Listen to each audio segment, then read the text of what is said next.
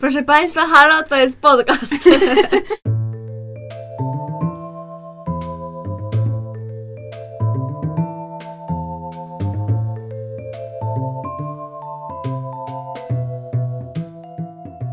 Kontynuując naszą Matrixową przygodę, dzisiaj porozmawiamy o Matrixie, o drugiej części Matrixa, czyli e, Matrix Reloaded czyli po polsku Matrix Reaktywacja. Mm, film został upubliczniony w 2003 roku. Film zaczynamy od wizyty w mieście, ludzkim mieście Zion. Dowiadujemy się, e, że niedługo ma być, znaczy ma miejsce atak. Atak Sentineli e, na to ostatnie ludzkie miasto. E, I bohaterowie przygotowują się do odparcia ataku. No i gdzieś tam um, nasz, nasza załoga bla, e, gdzieś wylatuje i nie pamiętam po co. To jest oficjalna wersja zdarzenia. No. W ogóle mi się druga część zawsze strasznie zlewa z trzecią i też dlatego, że one tam były kręcone razem, ale jakby... No też ciężko mam wrażenie jest w ogóle jakby opowiedzieć fabułę Matrixa drugiego. Ale o, po, gdzie oni pojechali? Bo ja tego nie pamiętam. Po co oni w ogóle pojechali? Gdzie? Spotkać się z tą wyrocznią. Tak, no i chyba potem jakby kwinty, potem tym celem było dojście do tego źródła. Tak. Mhm. I potrzebowali tego keymastera, żeby otworzył im drzwi do tego źródła. A tak, no bo jeszcze trzeba było właśnie najpierw jakby dotrzeć do klucznika. No. Dobra. W ogóle ten klucznik mi się kojarzył z tym, typ, z tym typem z Blade Runnera, co robił te oczy. No totalnie, nie? No. I w ogóle potem to spotkanie z tym architektem tutaj w Matrixie, mhm. to też jak to spotkanie z, ze stwórcą i z ojcem w e, Blade Runnerze. O, słyszę jak Paulinka dmucha na nas.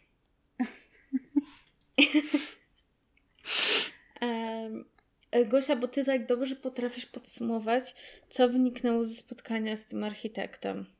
Oj, o nie, ale mnie wrobiłaś teraz. No właśnie, nie wiem, czy mogę to dobrze podsumować. Bo to, co ustaliłyśmy w czasie rozmowy, to że to już jest szósta wersja, tak? Tak, to jest szósta wersja Matrixa, czyli mamy do czynienia jakby z no, paroma timeline'ami, um, które jakby chyba z tego, co przynajmniej na razie rozumiem, nie dzieją się jakby w, w jednym momencie, tylko no, jeden następuje po drugim i tak dalej. I akurat teraz mamy do czynienia z szóstą wersją Matrixa. I Neo dostaje dwa, yy, dwie drogi. Może podjąć jeden z dwóch wyborów. No, ma wybór.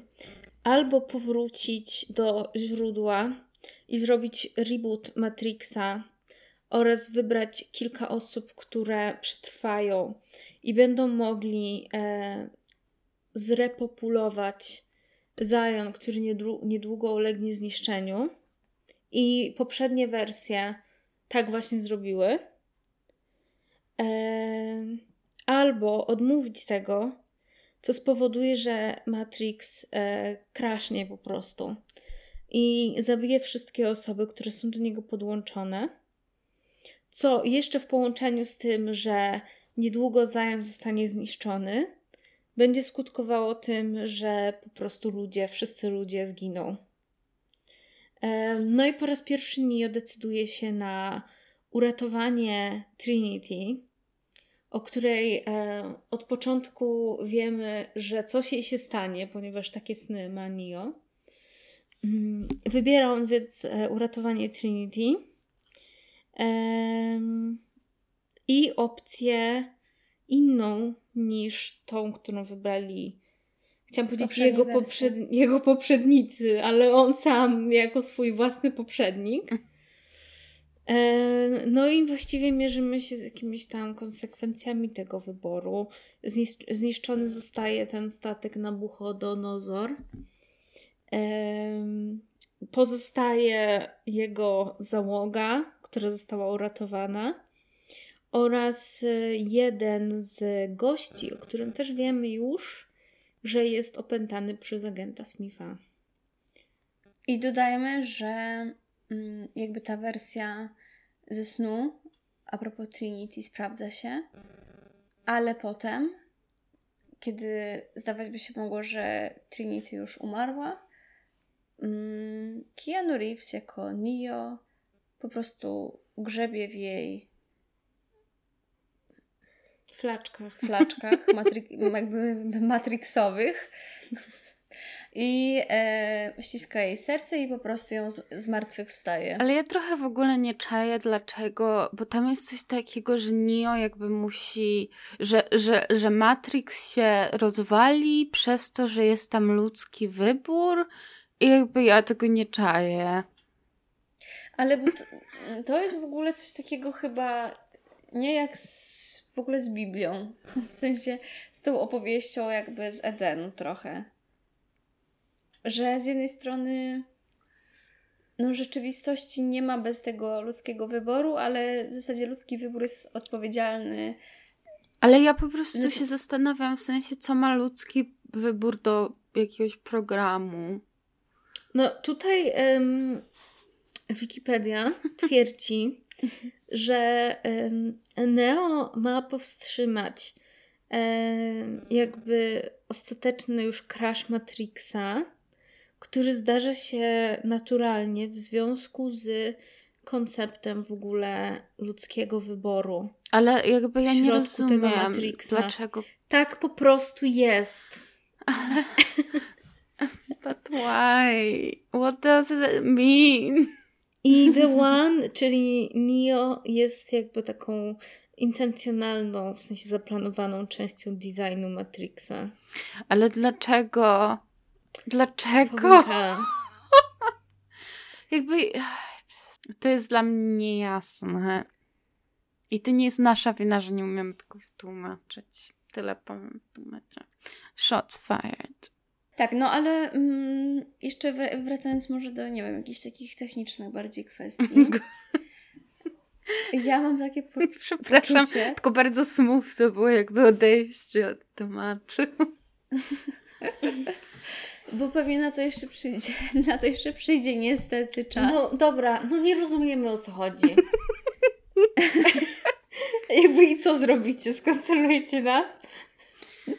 Za mało osób Tak, nas ale- ogląda, żeby nas skancelować. A, a wy może rozumiecie? To napiszcie, jak jesteście tacy mądrzy. Tak. Popieram Justynka. Ale ja, jakby dla mnie właśnie, to ja tutaj znowu odejdę trochę, bo chciałabym powiedzieć o tym, że dla mnie w ogóle ta druga część to jest dużo scen akcji, które ciągną się 15 minut. I, i naprawdę one są takie długie i wszystkie pościgi, nawet w sensie i ta, mm, ta cała jakby ucieczka, która się dzieje na autostradzie i ten moment, kiedy on po rozmowie z wyrocznią mm, jest, no jakby spotyka zmultiplikowanego agenta Smitha. Przepraszam, ale mogę tak się, takim nieśmiesznym żartem rzucić? Zapraszamy. że on walczy ze Smithami, czyli The Smiths. Z tym zespołem i z Morrisseyem. No Morrissey to chyba Tak. jest taki, że lubi sobie powalczyć. No więc chyba tak właśnie. To ma sens. No i po prostu no dłuży się To to są dosyć. przecieki do Matrix Resurrection. Keanu Reeves napieprza się z Morrisseyem. Znaczy ja, Fame MMA. i- ja w ogóle myślę, że jakby że po tej pierwszej części jakby cała ta historia jest tak rozwleczona jakby to naprawdę można by było w jednym filmie, załóżmy jakimś trzygodzinnym, jakoś dobrze skondensować cały koncept. Bo ta druga Prawda. część, ja w ogóle nie pamiętam, co się w trzeciej części dzieje. W sensie to jakby jeszcze za dwa tygodnie będzie w ogóle, no ale jakby totalnie, jakby. What does it mean? No, ale ja się w pełni zgadzam z tym, że mm, scen akcji jest tam e, może nie tyle za dużo, za dużo, to one są naprawdę długie. Za długie. Do takiego, I to do takiego momentu, w którym ja nie też, że tracę zainteresowanie, to po prostu tracę koncentrację. Mhm. I jakby już nie jestem w stanie tego wszystkiego śledzić. E, trzymając się jeszcze tego tematu, przez chwilę rozmawiałyśmy z Gosią na temat e, efektów specjalnych, mm, których w ogóle e, mm, tworzenie zajęło mega dużo czasu. E, I one w tym filmie są różne. Od takich, które naprawdę wyglądają jak gra komputerowa i kiepsko się bardzo zestarzały, po takie, które są w porządku. No, tak na przykład jak e, ten cały pościg na autostradzie, gdzie tam momentami to wygląda ok. Ale no właśnie ten e, Neo versus Morrissey to jest po prostu no naprawdę. Ale to jest dobra Mhm. jakby obserwacja, bo po prostu mam wrażenie, że jakby to, jak ja zapamiętuję Matrixy, to właśnie jest połączenie jakby, że widać, że to 2000 i że jakby spoko wygląda. I po prostu mi się trochę kojarzy z takim jakimś esejem na polski, który tak pisze, ale potem tak mi się odechciewa, więc jakby tak trochę gorzej, ale potem znowu mam przypływ jakby pomysłów. Fluktuuje po prostu. Więc, no. Ale w ogóle powiem Wam, że to jest ciekawe, jeśli chodzi jeszcze o to opowiadanie fabuły, tego, że ja ten film obejrzałam dwa, dwa dni temu około i dzisiaj, jak próbowałam powiedzieć, opowiedzieć mniej więcej mm, o co chodzi, Mhm. to miałam z tym problem, bo nie pamiętałam w ogóle zakończenia. I chyba po prostu przez to, że jakby jakieś tam jest takie nadmierne skomplikowanie już tego, co się tam dzieje, a w zasadzie to nie ma jakiegoś takiego ogromnego wpływu w zasadzie na to, co faktycznie się tam dzieje, e, to, to nie sprawia, że właśnie to jest takie, no tak jak mówiłaś Paulinka, nie, że ci się na przykład druga trze- z trzecią częścią po prostu Ale ja w ogóle się. uważam, że na przykład ta postać architekta powinna była być właśnie w trzeciej części przedstawiona. To prawda. Że to jest taki dobry reveal. kulminacja. Ale w ogóle Tak. fakt, że ten architekt je- jest też programem, ja tego nie czaję. E, Ja w ogóle chciałam tylko powiedzieć jeszcze, że ja w ogóle w trakcie tego filmu byłam jakoś w połowie i zanotowałam sobie, że jestem dokładnie w połowie i nie wydarzyło się w nim absolutnie nic. Mhm. Nie wydarzyło się nic, co miało jakikolwiek wpływ na tą fabułę. Tak, no tam się bardzo wolno rozwija jakby ta Bo jest konkretna rave. Nie wiadomo o co chodzi. Ale powiem Wam, że w ogóle dla mnie też relacja jakby Neo z, z Trinity. Trinity. O właśnie, możemy o tym porozmawiać, bo nie powiedziałyśmy w ogóle nic na ten temat w pierwszym, Mhm. e, o, w, przy omawianiu pierwszego filmu, a to jest... Tak, to jest może no. dobry czas, żeby to poruszyć. E, Więc dla mnie, to, to ja powiem może teraz chwilowo o drugiej części, a zaraz się cofniemy do pierwszej.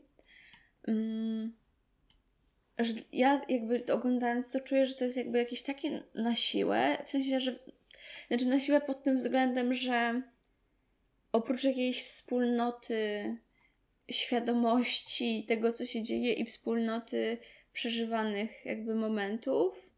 Ja też nie czaję za bardzo relacji e, tych bohaterów. Poza tym, że była przepowiedziana, to tak naprawdę ona się dzieje tak bardzo szybko, w sensie w tym pierwszym filmie. Tak. Na zasadzie.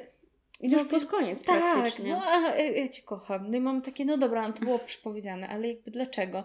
I co tych bohaterów tak naprawdę Ale oni trochę siebie, wyglądają wiem. tak samo. W sensie. To myślę, że to ich właśnie zbliżyło. To jest, to jest moja interpretacja tej relacji, że oni wyglądają tak samo i dlatego chcą być ze sobą.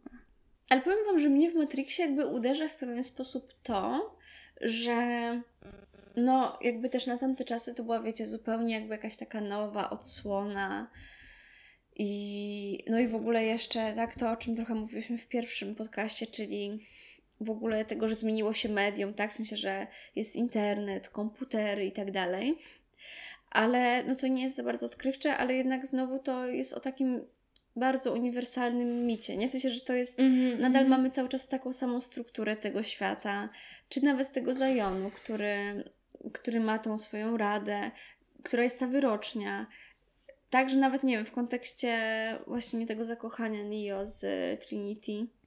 No właśnie, ja też to ja sobie zanotowałam, że w zasadzie ten świat ma tyle jakby różnych, no właśnie problemów i w ogóle wojna i, i tak dalej, że jakby takie relacje międzyludzkie są Nie dosyć... ewoluowały. No absolutnie nie. Tak samo Mhm. jak mamy przecież ten trójkąt miłosny z Morfeuszem i e, Niobe, ona się tak Mhm. nazywa, Jada Pinkett Smith.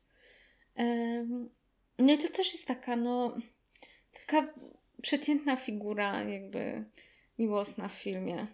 Tak, i że trochę. Chociaż to może właśnie jest takie ludzkie bardzo w tym wszystkim, nie? Że jednak. No, tak, że umówmy jak się, nieważne, że- jakby się zmienił świat, to. No i umówmy się, że relacje jakby takie międzyludzkie są dosyć trywialne. No, to fakt. Znaczy, w, Może- może jakby rację. ja totalnie myślę, że w ogóle pod takim e, aspektem człowieczeństwa w tym filmie to agent Smith jakby O właśnie, bo ty chciałaś powiedzieć dużo o tej postaci w, przy, w ostatnim odcinku. Znaczy ja właśnie tak sobie myślę, że on dla mnie zdecydowanie jakby kradnie ten film i jakby jest ikoniczny i właśnie mam wrażenie, że że on ma jakiś taki nawet ciekawszy ark od Neo i jakby to, że właśnie on się staje niezależny e, i jakby w ogóle, że takim rogue wirus, wirusem wirusem się Mhm. staje i w ogóle to jest według mnie super. I e, jakby mam wrażenie, że mimo, że on chyba dopiero w tej drugiej części albo trzeciej się staje właśnie niezależny totalnie od Matrixa. Poczekajcie, muszę sprawdzić, bo już nie pamiętam. Wydaje mi się, że w drugiej chyba jeszcze nie jest to tak. em, Explicita powiedziano. tak. tak, Ale tak, właśnie, tak. że on jakby od początku totalnie widać, że jakby ma takie metody shady. Mhm. I, I właśnie coś w tym, w sensie mimo, że jakby ja nie popieram shady metod, ale jakby właśnie jest w tym coś takiego badass. Jakiś hot take. Em, I co jeszcze chciałam powiedzieć? I w ogóle mam wrażenie, że on też jakby dobrze oddaje, w sensie, że on jest trochę bardziej jakby, że no mi, mi trochę przypomina Decarda z Blade Runnera. Ja każdą rzecz w moim życiu muszę odnieść do Blade Runnera, żeby ją zrozumieć. Że jakby. Neo mi przypomina mit. a właśnie ten agent Smith, który jakby ma dosyć ludzkości i jakby wszystkiego i tego, że jakby on tak naprawdę jest stworzony, żeby kontrolować tą ludzkość, to właśnie przypomina mi Roya z Blade Runnera. Tak. Czy współczujesz agentowi Smithowi? Tak. Paulinka? To jest moje pytanie. Agent Smith jest moim crushem. Misunderstood Sweetheart. Tak, bo on, on chciał tylko zniszczyć świat i jakby I can relate. I jest nihilistą. Więc... Że właśnie dla mnie w ogóle w Matrixie jest ciekawe to, bo tak sobie teraz myślę, jak mówisz o tym agencie Smithie, no że gdzieś tam mi w całej tej Matrixowej opowieści właśnie pobrzmiewa bardzo to, co też y, wynika jakby z rozmowy Neo z architektem, że ta anomalia czy jakiś błąd jest od zawsze jakby był w tym Matrixie, nie? Że to jest jakby część, taka nie, nieodzowna jakby część tego systemu. No i pomyślałam sobie z jednej strony, że ten Neo trochę może być właśnie czymś takim, co ma A wiecie, czy- tą taką anomalią. A czy Keanu Reeves jest taką anomalią Hollywood? Oby. Miejmy taką Mhm. nadzieję. Ale myślę sobie właśnie teraz też z drugiej strony, nie? Że w zasadzie agent, jakby taka figura agenta Smitha, no w zasadzie też się jak najbardziej tu wpisuje. Takiego jakby jakiegoś znowu błędu w Matrixie. Mm. Bo no ciekawe też jest... tego właśnie, co mi mówiłaś w ogóle a propos błędu i porażki jako czegoś, co jakby ma duże znaczenie i jest emancypacyjne. Tak. Dokładnie to ujęłaś, Gosia. A, dziękuję bardzo. tak, tak, to prawda, ale właśnie też sobie myślę, że z tym agentem Smithem to nie jest o tyle łatwe i takie jednoznaczne, no bo tak jak mówisz, że on jest jakby jako ten wirus, no to to znowu jakby nie do końca jest tylko sam jakby błąd systemu, nie? W sensie, Mhm, mhm. że to jest jakby, wiecie o co mi chodzi? Znaczy właśnie, że jakby jeszcze bardziej, że jakby cała historia Neo jest jakby wpisana w tą strukturę, ale jakby to, że agent Smith jakby się trochę uniezależnia, chyba nie jest. Mhm. I to jest fajne. Tak, to, to ciekawe jest bardzo. Przy czym mi szkoda, bo trochę nie wybrzmiewa w ogóle ten wątek i ta postać. Oj, zgadzam się, oj, zgadzam się, bo właśnie tak jak e, ty w ostatnim odcinku mówiłaś, że, że właśnie będziesz chciała też porozmawiać o agencie Smithie i tak dalej, to gdzieś to miałam jakby w e, pamięci oglądając tą drugą część i tak czekałam, kiedy będzie, nie? Mhm. Kiedy będzie coś, o czym będziemy mogły pogadać i nie doczekałam A czy mi się tego. też wydaje, że po prostu ja też trochę mówię jakby o tej trzeciej części, Mhm, ale w mhm. sensie nie tak dosłownie jakby, no bo one naprawdę, w sensie one tak mi się zlewają jakby jak ja tą drugą część widziałam jakby, no też parę dni temu, to jakby wciąż jakby, No. Tak. Ale też dużo potencjału jest przecież w tym bohaterze, który tam też właśnie w następnym filmie o nim będzie więcej, ten o którym mówiliśmy, że jest opętany przez agenta Smitha. I jakby Mm. tam jest też dużo jakby potencjału w ogóle dla tej fabuły, w sensie no to jest duże wydarzenie chyba, że agent Smith jest bezpośrednio jakby... Tak, no ja w ogóle byłam przekonana, że, że, że to jakby będzie właśnie rozwinięte, i że to o tym trochę będzie druga część, nie? Mhm. Bo, bo to jakby w zasadzie w miarę na początku filmu jest. Bo to mi daje w ogóle taki vibe trochę, okej, dobra, ja rozumiem, że e, tak samo jest to połączenie pomiędzy pierwszym a drugim filmem, e, bo tam się dowiadujemy pod koniec pierwszego właśnie, że ten Zion i tak bla bla bla, nie? Ale druga i trzecia część Matrixa sprawiają wrażenie takiego filmu, jak są zawsze te młodzieżówki, podzielone ostatnia książka na dwie Mhm. części. Mhm. I to mi totalnie. daje ten vibe. Właśnie to jest totalnie to, że jakby, ja nawet rozumiem rozwalanie tej historii na dwa filmy, ale nie na trzy. A tutaj Mhm. możemy w ogóle powiedzieć trochę o tym wątku takim transmedialnym. A czyli- wiecie co, ja, bo ja bym chciała jeszcze tylko co do agenta Smitha, zanim tak bardzo. oficjalnie przejdziemy, że ja gdzieś w internecie w ogóle przeczytałam taką ciekawą jakby myśl, że też trochę w takim aspekcie 9-11, w sensie, że agent Smith i jakby to jego e, takie jakby załatwianie pracy, jakby w sensie roboty, ponad moralność, w sensie, że tak odpowie... i w ogóle Mhm. jakby ta taka, Mhm. że to surveillance i tak dalej, w sensie, że właśnie to trochę jakby przypomina ten post 9-11 świat. No bo on totalnie jakby wygląda jak agent Secret Service.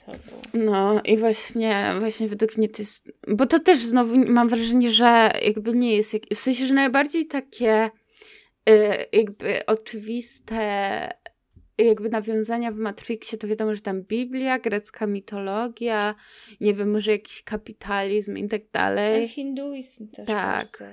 Szczególnie w tym świetle, o czym może też Tak, ale właśnie, więc takie religijne, czy jakieś spirytu... Dualistyczne. Spitura... Tak.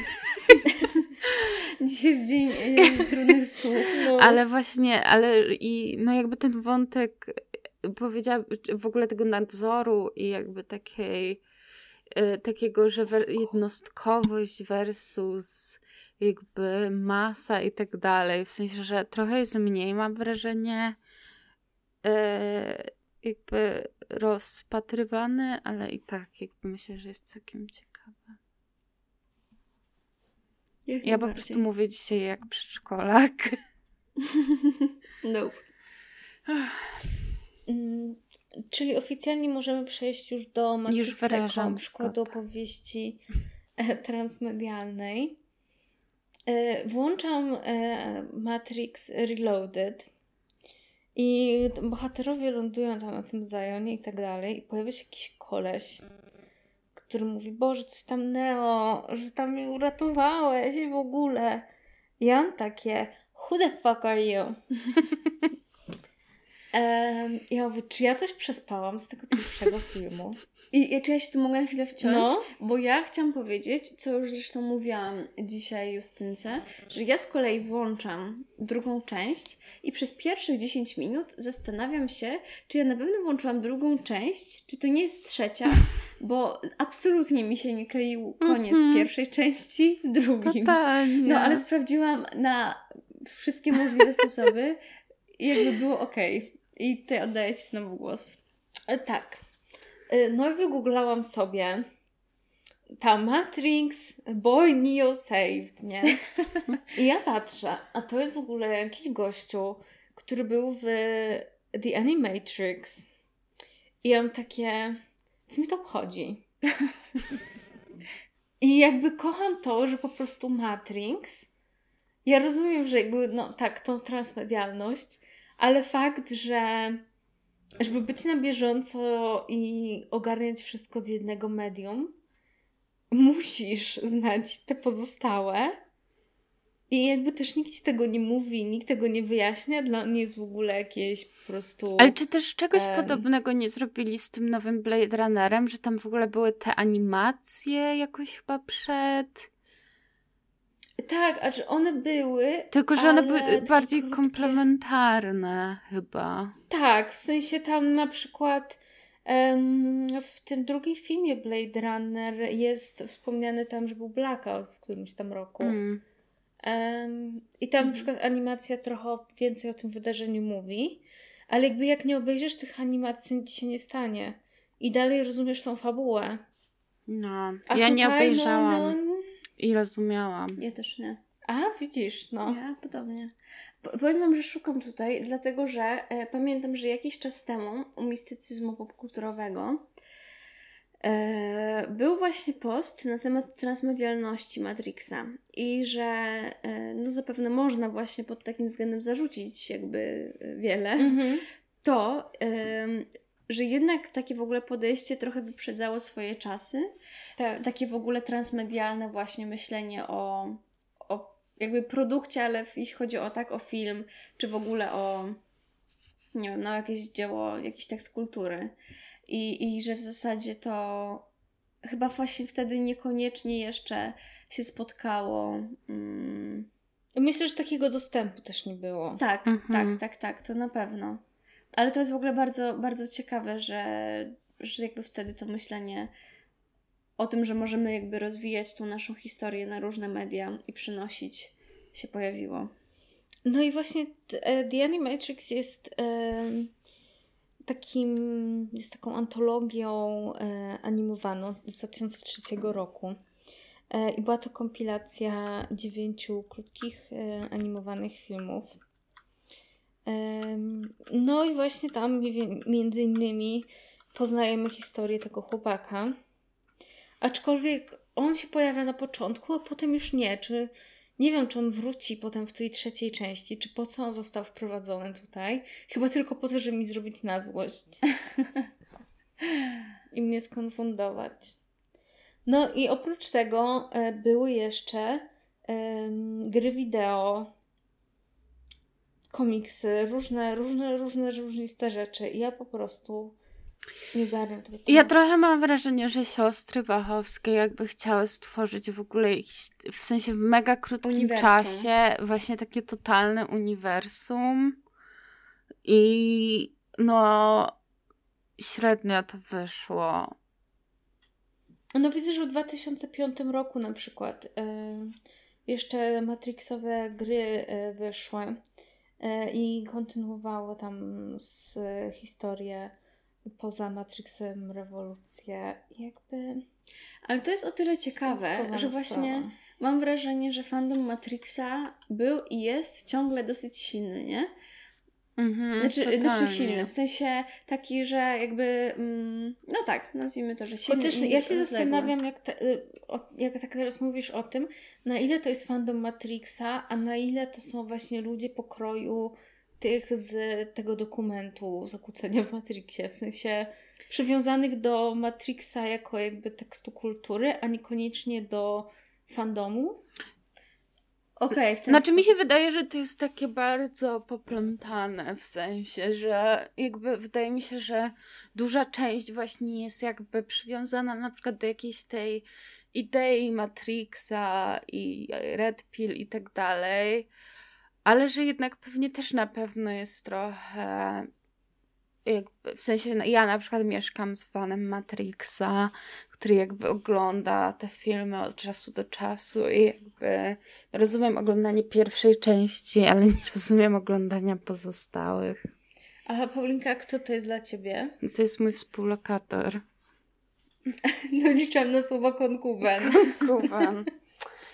No, to jest mój dobry znajomy konkubent. Tak, ale no właśnie, to jakby, no mam wrażenie, że po prostu jakby Matrix ma silną mm, bazę. Ale to chyba tylko ci ludzie, co się znają na komputerach. No, to prawda. No tak, ale jakby nieważne, chodzi po prostu o to. Gosia nadal stoi ze swoją tezą, jakby. Nie, no chodzi mi o to po prostu, że jakby wiele osób się interesowało, bądź Zgadzam interesuje się. tym filmem. Tak samo wiecie, jak wiele osób czeka na, na nie wiem, tą e, kolejną część, tak jak wiele osób Tak. się w ogóle właśnie ta sama estetyczna strona była dla nich jakaś super w ogóle ważna i taka wiecie, nie wiem, nawet jako ten przejaw buntu czy czegoś. E, Paulinka nam się rozbiera Missing. wideo. To nie jest OnlyFans. chociaż nie wiem, czy na OnlyFans teraz można. A, też nie wiem. Em,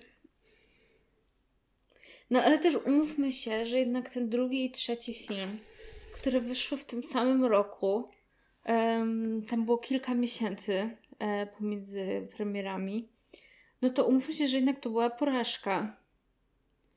E, to była duża porażka. Znaczy ja w ogóle powiem, że jakby tak jak jakby ja też oglądałam jakby parokrotnie wcześniej, nawet przed nagrywaniem podcastu Matrixa i jakby zawsze tą pierwszą część i zawsze jakby tak myślałam sobie, o jak fajnie sraty taty.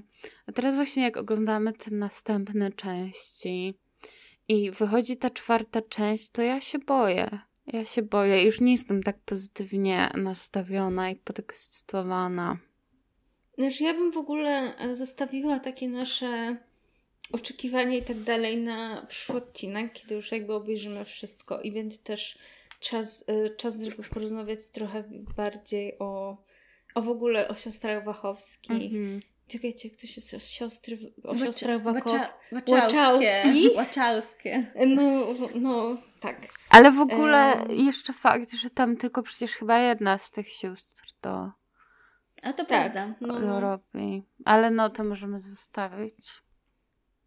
Em, No, więc e, powracając do, do tematu naszego, że jest to mes, jeżeli chodzi o fabułę, która jest rozstrzelona na kilka różnych mediów, co nie sprzyja em, zrozumieniu tego, co dzieje się na ekranie. Może właśnie w Mhm. tych innych mediach wyjaśnia, dlaczego ludzka, ludzki wybór niszczy Matrixa, bo jakby O, I'm still trying O. to understand. może tak jest. A czy w ogóle, czy mamy jeszcze coś do powiedzenia w tym temacie? Ja chyba nie. No. Bo ja bym e, chciała też tak na chwilkę dosłownie poruszyć temat mm, Moniki, postaci Moniki Bellucci, która się tam pojawia. I tego, że ja już się. ja już właśnie to wspominałam, że w ogóle dla mnie ten trop filmowy, gdzie mamy jakąś taką ważną w strukturze danego świata postać, jaką tutaj jest na przykład ten. Jak on się nazywa? Yy, ten facet, który mówi po francusku. No ten Francuz. Ten Francuz, który nie chce dać klucznika. No. Że mamy właśnie taką, wiecie, silną postać jakby w tej strukturze świata, który ma jakąś w ogóle piękną, olśniewającą w ogóle kobietę. I, ale widać, że tam jest jakby problem między nimi na tle jakby relacji seksualnej. I bohater, no z reguły to jest jakby męski bohater, Mhm. Ym, gdzie jakby jest ten taki, wiecie, ten moment takiego kompromisu i szantażu, że trzeba coś zrobić, żeby dostać się do kolejnego poziomu tej gry, w cudzysłowie, to mam wrażenie, że naprawdę bardzo wiele jest takich y, momentów w popkulturze, gdzie on musi ją, nie wiem, albo pocałować, No albo to było coś. głupie po prostu, jakby. Tak, Ale po, tak. I podsumowałaś, no w głupie. zasadzie, poza, w zasadzie pozamiatane. No co macie do powiedzenia na ten No. temat? No. no tak, nie, ja, ja się zgadzam. Czemu jakby jakoś- to służyło? To prawda. E, Ja, wiem, że jakby całujący się Keanu Reeves to jest coś, co każdy chce zobaczyć na ekranie. Tak. Ale jeszcze jednak- Monika Bellucci z drugiej strony to też pewnie jest. No jakby O. dla- tak. Swoją drogą w ogóle siostry Wachowskie zatrudniły Monikę Bellucci do tego filmu po obejrzeniu Maleny. Nie wiem, czy O, wiecie. to ciekawe. Ja bardzo. chciałam tylko powiedzieć, że moim przebudzeniem seksualnym była Monika Bellucci w Asterix i Obelix i Kleopatra. O Jezus. Zgadzam się. girl. I po prostu jeszcze ta końcówka tam po napisach. Mm. Yep. No, jest trójka jest wykluczona. Czy robimy w, po Matrixie po prostu odcinek podcastu o Asterixie O Obelixie? Jezus, Jest, tak. jest. Ej, zróbmy o tym, zróbmy o tym Zrobimy. odcinek. Zrobimy. Dobra. No to W ogóle ja myślę, się, że, do różnych ciekawych rzeczy po tylu latach możemy dojść o Francuzach robiących film w Egipcie, jakby. Ja myślę, że Mm. ten film jest problematyczny na tylu poziomach. Jeśli chodzi w Ja ogóle can't o... wait, żeby się dowiedzieć. Tak, w ogóle o jakby przedstawianie kobiet, to ja jestem po prostu święcie przekonana, że tam na każdym wiecie, że tam jest po prostu problem na problemie. Ale dowiedzmy się tego, Dowiedzmy. sprawdźmy to. Dobrze, dowiemy się w styczniu. Tak. No dobrze, a powracając do Matrixa. Mm, Ludzie meduzy. ale powiem wam, że no ta moc to taka dosyć konkretna, w sensie to Ale dlaczego, i- dlaczego oni wyglądali trochę jak jakieś takie, no właśnie jakby meduzy, ale takie, jak są takie na przykład duchy zmarłych żon w powieściach gotyckich. Które właśnie jak przechodzą przez ściany i takie włosy im falują. No, Znaczy to jest trochę ten jakby tej kobiety na strychu z Jane Eyre problem. Po prostu jakby no zawsze jest żona zawiedziona. Ja jeszcze oprócz tego mam e, tutaj wątek e, teorii spiskowej. o, ponieważ w czasie rozmowy Neo z wyrocznią, e, wyrocznia, która w ogóle okazuje się sama być programem, opowiada o tym, że nawet gołębie są zaprogramowane. A, chociaż koje- co śmieszniejsze, to nie są gołębie w ogóle tam. A co to są? No to są chyba albo, no właśnie to jest zawsze dla mnie problem, bo kruk, to, bo kruk to chyba nie jest kruk, bo kruki są takie duże, tylko to są chyba gawrony, nie? Że sroki? Ale sroka to chyba jest jeszcze coś innego niż gawron. Dobra, nieważne. No, że w każdym razie Ptaki. te ptaki są zaprogramowane. A kojarzycie tą taką teorię spiskową, że ptaki to tak naprawdę są, wiecie, Tak. takie sztuczne roboty i w ogóle... No, tak. Co jest A to, poza tym, myślę? a propos akurat gołębi, no to faktycznie jakby to, że one tak cały czas czują bit i tak wiecie, tymi szyjami. Odbierają sygnały. No, od alienów. No, I w ogóle wiecie co? No nie, przepraszam, mów dalej, Stanka, bo ja... Nie, Paulinka, tu proszę Znaczy bardzo. mnie po prostu nasła, nasła, nasła myśl, że jakby to jest w sumie głupie i wkurza mnie, że wszyscy tam kurde mają na imię Morfeusz, Persefona, Trinity, jakby girl. W sensie to jak Darren Aronowski ze swoją Mother, gdzie po prostu jakby już bardziej dosłownie się nie da i jakby... Ale wiesz, może oni tak specjalnie jakby, no bo... No bo zakładam, że Ale jakby jak, tam są jakby te się- nawiązania bez tych imion nawet. Ale że w sensie, że może to, ja to rozumiem w taki sposób, że jakby oni w ramach filmu sami sobie tak e, pretensjonalnie nadali takie imiona. To jest mój taki, to jest takie, taka teoria moja, która jest niepotwierdzona. Znaczy to, to, to ma sens, ale jakby ja chcę zobaczyć, że oni są pretensjonalni i sobie nadają To dużo te imiona. wymaga. Ej, dobra, ja będę to teraz śledzić trochę. Pretensjonalność jakby bohaterów. No. Dobra. Ale wiecie co, No trochę mnie... ten Morfeusz, który uważa, Tak. że wszystko wie najlepiej. Morfeusz, No. to, to się zgadzam. Morfeusz słucha Radiohead. Tak. Kid A jest jego ulubionym albumem na 100%. Cudownie, A no. jakie książki czyta Morfeusz? Ulyssesa? Poszukiwaniu y, straconego czasu? Magic Mountain? Nie, właśnie... Ja Nie, bym mówię, no nie, nie. moim zdaniem to ba... O, wiem, alchemika Paulo. Jakby jak mogę najbardziej obrazić kogoś na świecie? Powiedzieć, Ja myślę, tak. że jednak Harry'ego Pottera, dlatego się tak zafiksował na tym W ogóle wiecie co, mam ciekawostkę, jakby, e, że w księgarni, w której pracuję, to Paulo Coelho, w sensie te wszystkie jego książki nie są jakby w fikcji, tylko są, że w spiritual jakby. I ja mam takie, że no, ale przecież to fikcja, to o czym oni mówią wszyscy. Ej, a czy to jest tak, czy jakby k- każda osoba kiedyś czytała Paulo Coelho? Ja tak. Ja tak. Okej, czy jesteśmy tu w- jakby free guilty. Paulinka czytałaś? Tak, tak. I byłam bardzo jakby. Znaczy, teraz w ogóle nie pamiętam o co tam chodziło, ale byłam bardzo taka, że o matko, ta filozofia. Same. Prostu... Ale Dobra, jest, jeżeli nie, przesłuchaliście podcastu do tego momentu, to napiszcie w komentarzu, jaką książkę Paulo Coelho czytaliście. Tak, ja słuchajcie, w ogóle por- porozmawiajmy o Paulo Coelho, bo to jest jakby jakieś bar- bardzo ciekawe, bo mam wrażenie, że to jest w ogóle dla wielu osób, no bo w- ile miałyście lat, jak to czytałyście? Jakieś gimnazjum? 12, no. 13. Otóż to, nie? I że to jakby jakieś takie było... Paulo Coelho Nie, to jest taki duch, który nas wszystkich jakoś tam gdzieś... Ale w ogóle ja nie zapomnę, jak w Empiku sprzedawali takie kalendarze, gdzie był chyba na każdy Ej, dzień Tak! e, cytat z Paulo Coelho. Boże, to jest jakieś po prostu doświadczenie łączące pokolenie. Naprawdę, co czynicie Polakiem? Zeszli z Empiku z Paulo I mandarynki. po prostu. Shoutout dla mandarynek. Nie, pa- ale słuchajcie, w ogóle a propos, dzisiaj jest odcinek, w którym rodzą się pomysły na nowe odcinki. No. Ja, chcę poroz- ja chcę, żebyśmy miały odcinek poświęcony Paulo Gosia. Ja chcę zrób czytać nam y, live'a, fragmenty. przeprowadź live'a O o. Boże, live, gdzie czytamy fragmenty Paulo Coelho. Tak, i opowiadamy o tym w ogóle, jakie książki czytałyśmy i nasze historie Dobra, będzie, związane. będzie ten live. Wiecie co, ja sobie Ale teraz wracając- poczytam, co w Alchemiku się dzieje, bo aż ciekawa jestem. Dobra, ale wracając do Matrixa.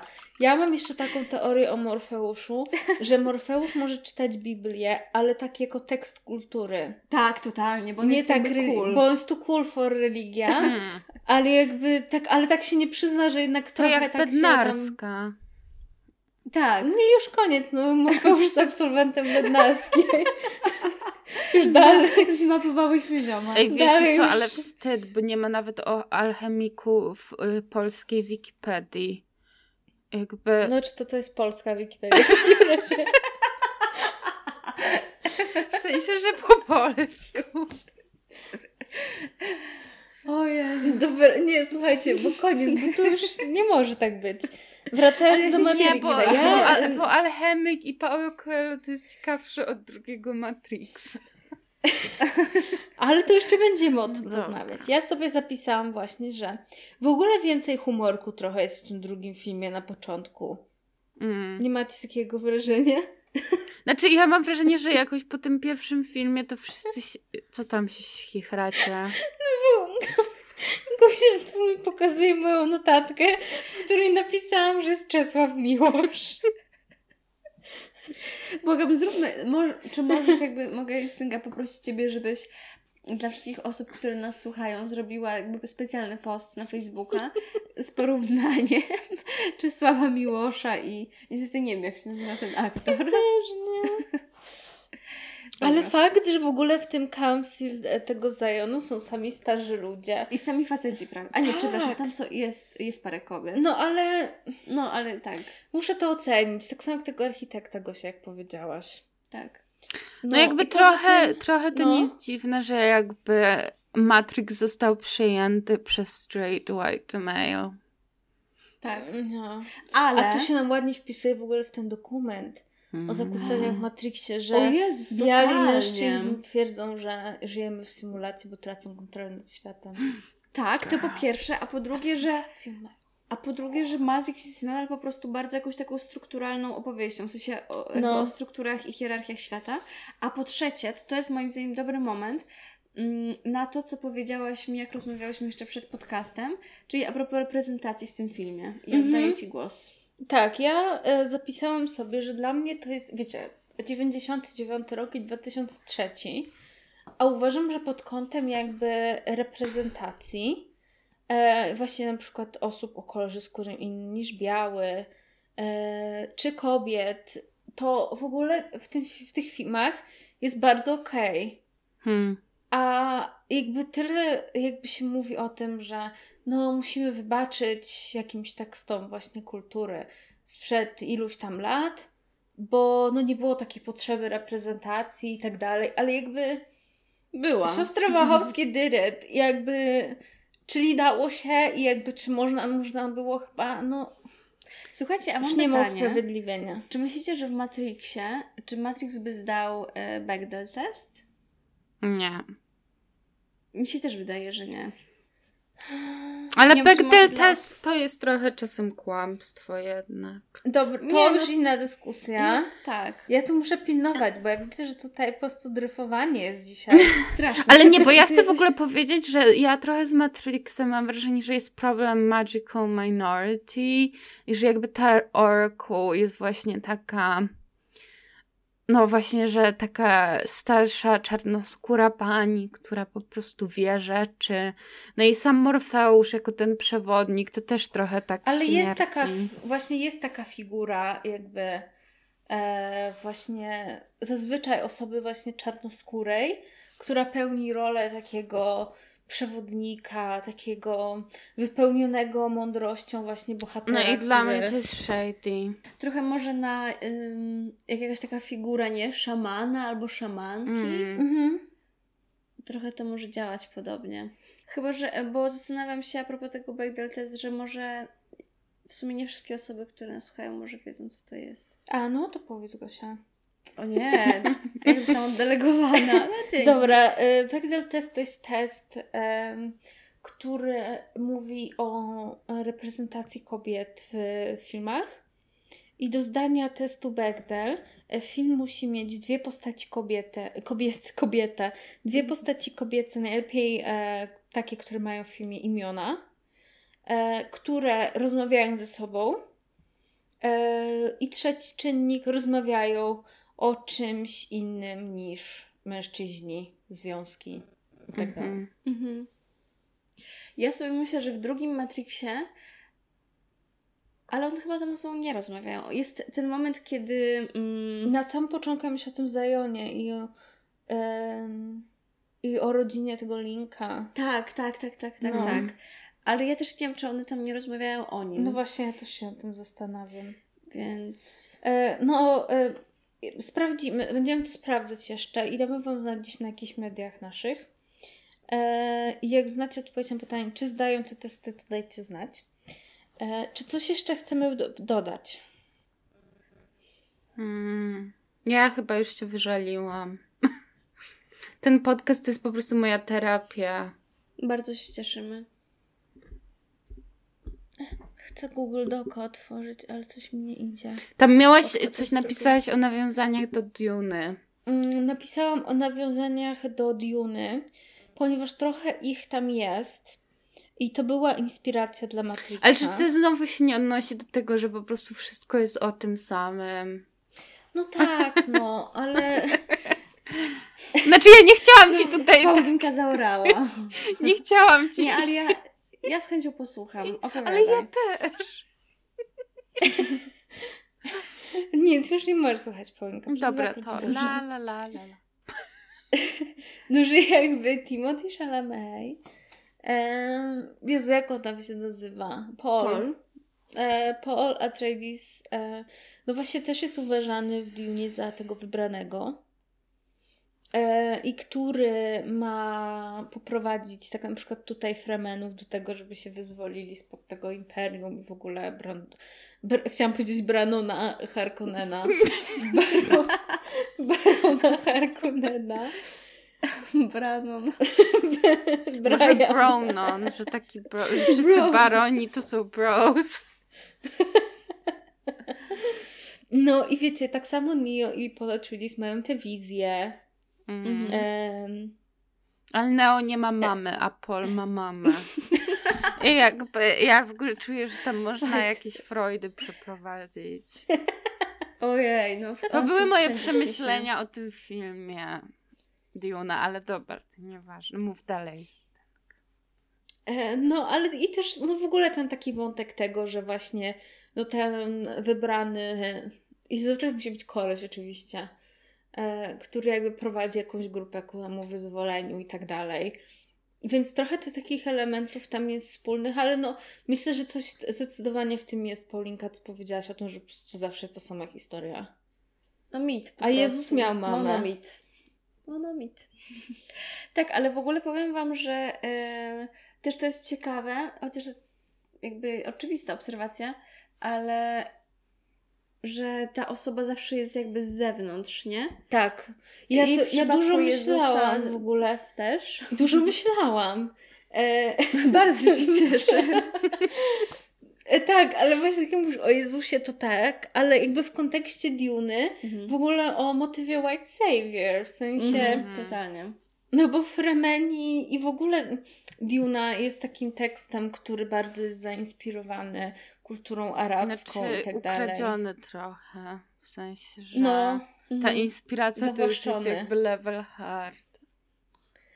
i jakby tutaj totalnie mi to takim śmierdzi właśnie White Savior. Tak.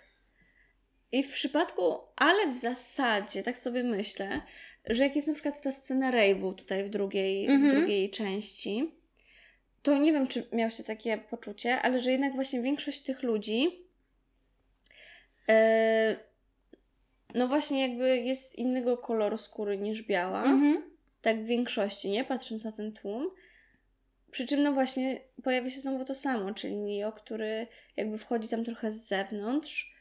No i jakby jest white Ja też chyba coś Chociaż, czytałam na no. Wikipedii, że jakby, że właśnie tam trochę miało być to, że jakby poza tym światem jakby symulacji to właśnie jest więcej jakby yy, jak to się mówi, że People of Color? tak, w sensie, że więcej właśnie A, że okej, że... w- no, ale jakby to znowu to są jakby tak pasywne role.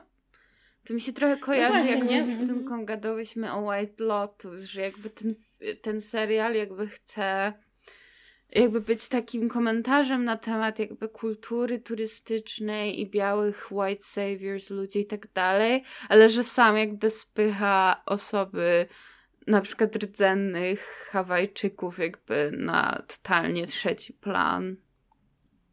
Mhm. Chociaż z drugiej strony w ogóle a propos Keanu Reevesa, to ja tutaj tak przejdę i myślę, że tak na zakończenie Mhm. to powiem, tak teasując nasz następny odcinek, że e, czytam właśnie książkę e, na temat Keanu Reevesa, która wyszła też po polsku. I tam jest trochę powiedziane na temat w ogóle pochodzenia Keanu Reevesa, który ma e, korzenie takie z Azji chyba. Tak, on jest chyba w jednej czwartej. A, w Tak, i Azji. jakby właśnie autorki tej książki em, opisują go jako takiego sleeper agent w Mhm. Hollywood. Hmm, Że white ciekawe. passing i jakby jakie z tym Tak. się wiążą w ogóle rzeczy. Mhm. Ale to w ogóle o Keanu Reevesie to i w ogóle o aktorach to możemy porozmawiać już jakby w następnym Trzecim, mhm. odcinku, gdzie zamkniemy, gdzie zamkniemy po prostu ten cykl i porozmawiamy też o reżyserkach. Znaczy w sumie nie zamkniemy, bo będzie jeszcze ta czwarta część. No, ale właśnie, że zamkniemy przed A, premierą czwartej dobrze, części. no. E, czyli żegnamy się z Państwem. Tak.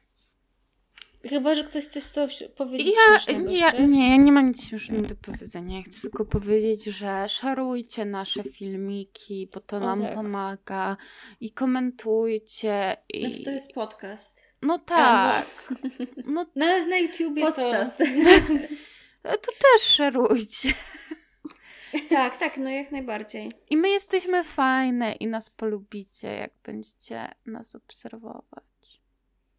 Dokładnie. Tak, na, y, o, możemy tutaj zareklamować nasz ostatni, najnowszy segment na Instagramie, który się pojawia, ale także na relacjach na Facebooku, czyli... Mm, Kultowe momenty polskiej popkultury. tak. W każdy czwartek ja jako kuratorka Ale tego cyklu party never killed nobody. opowiadam o momentach, um, Które kształtowały polską ukształtowały, dokładnie, jak ja Paulo Ale to rozumiem, że właśnie Paulo Coelho też się tam pojawi. Yy, I tak. Patrick Wilson swoją drogą. Czy nie wiem, czy chcemy innym zdradzać ten sekret, ale dobra.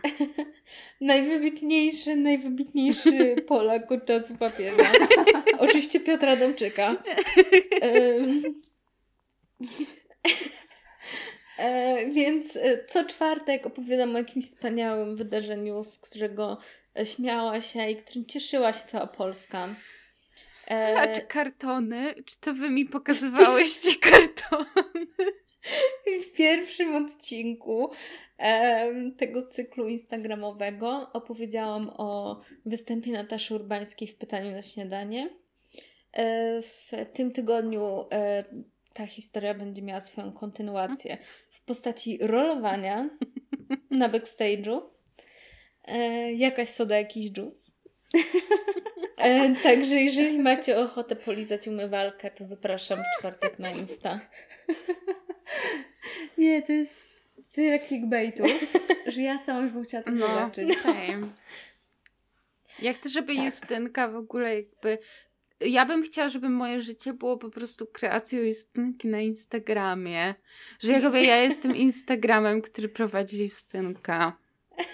Jesteś Matrixem jak Instagram. Girl. Na tym zakończymy. Śledztwo Tak. będzie wszczęte w tym, w tym Mały temacie. suspens. Spotkamy się w sadzie. No, także żegnamy się. Mówiła do Was Justyna. Gosia. I Paulina. Pa! Pa.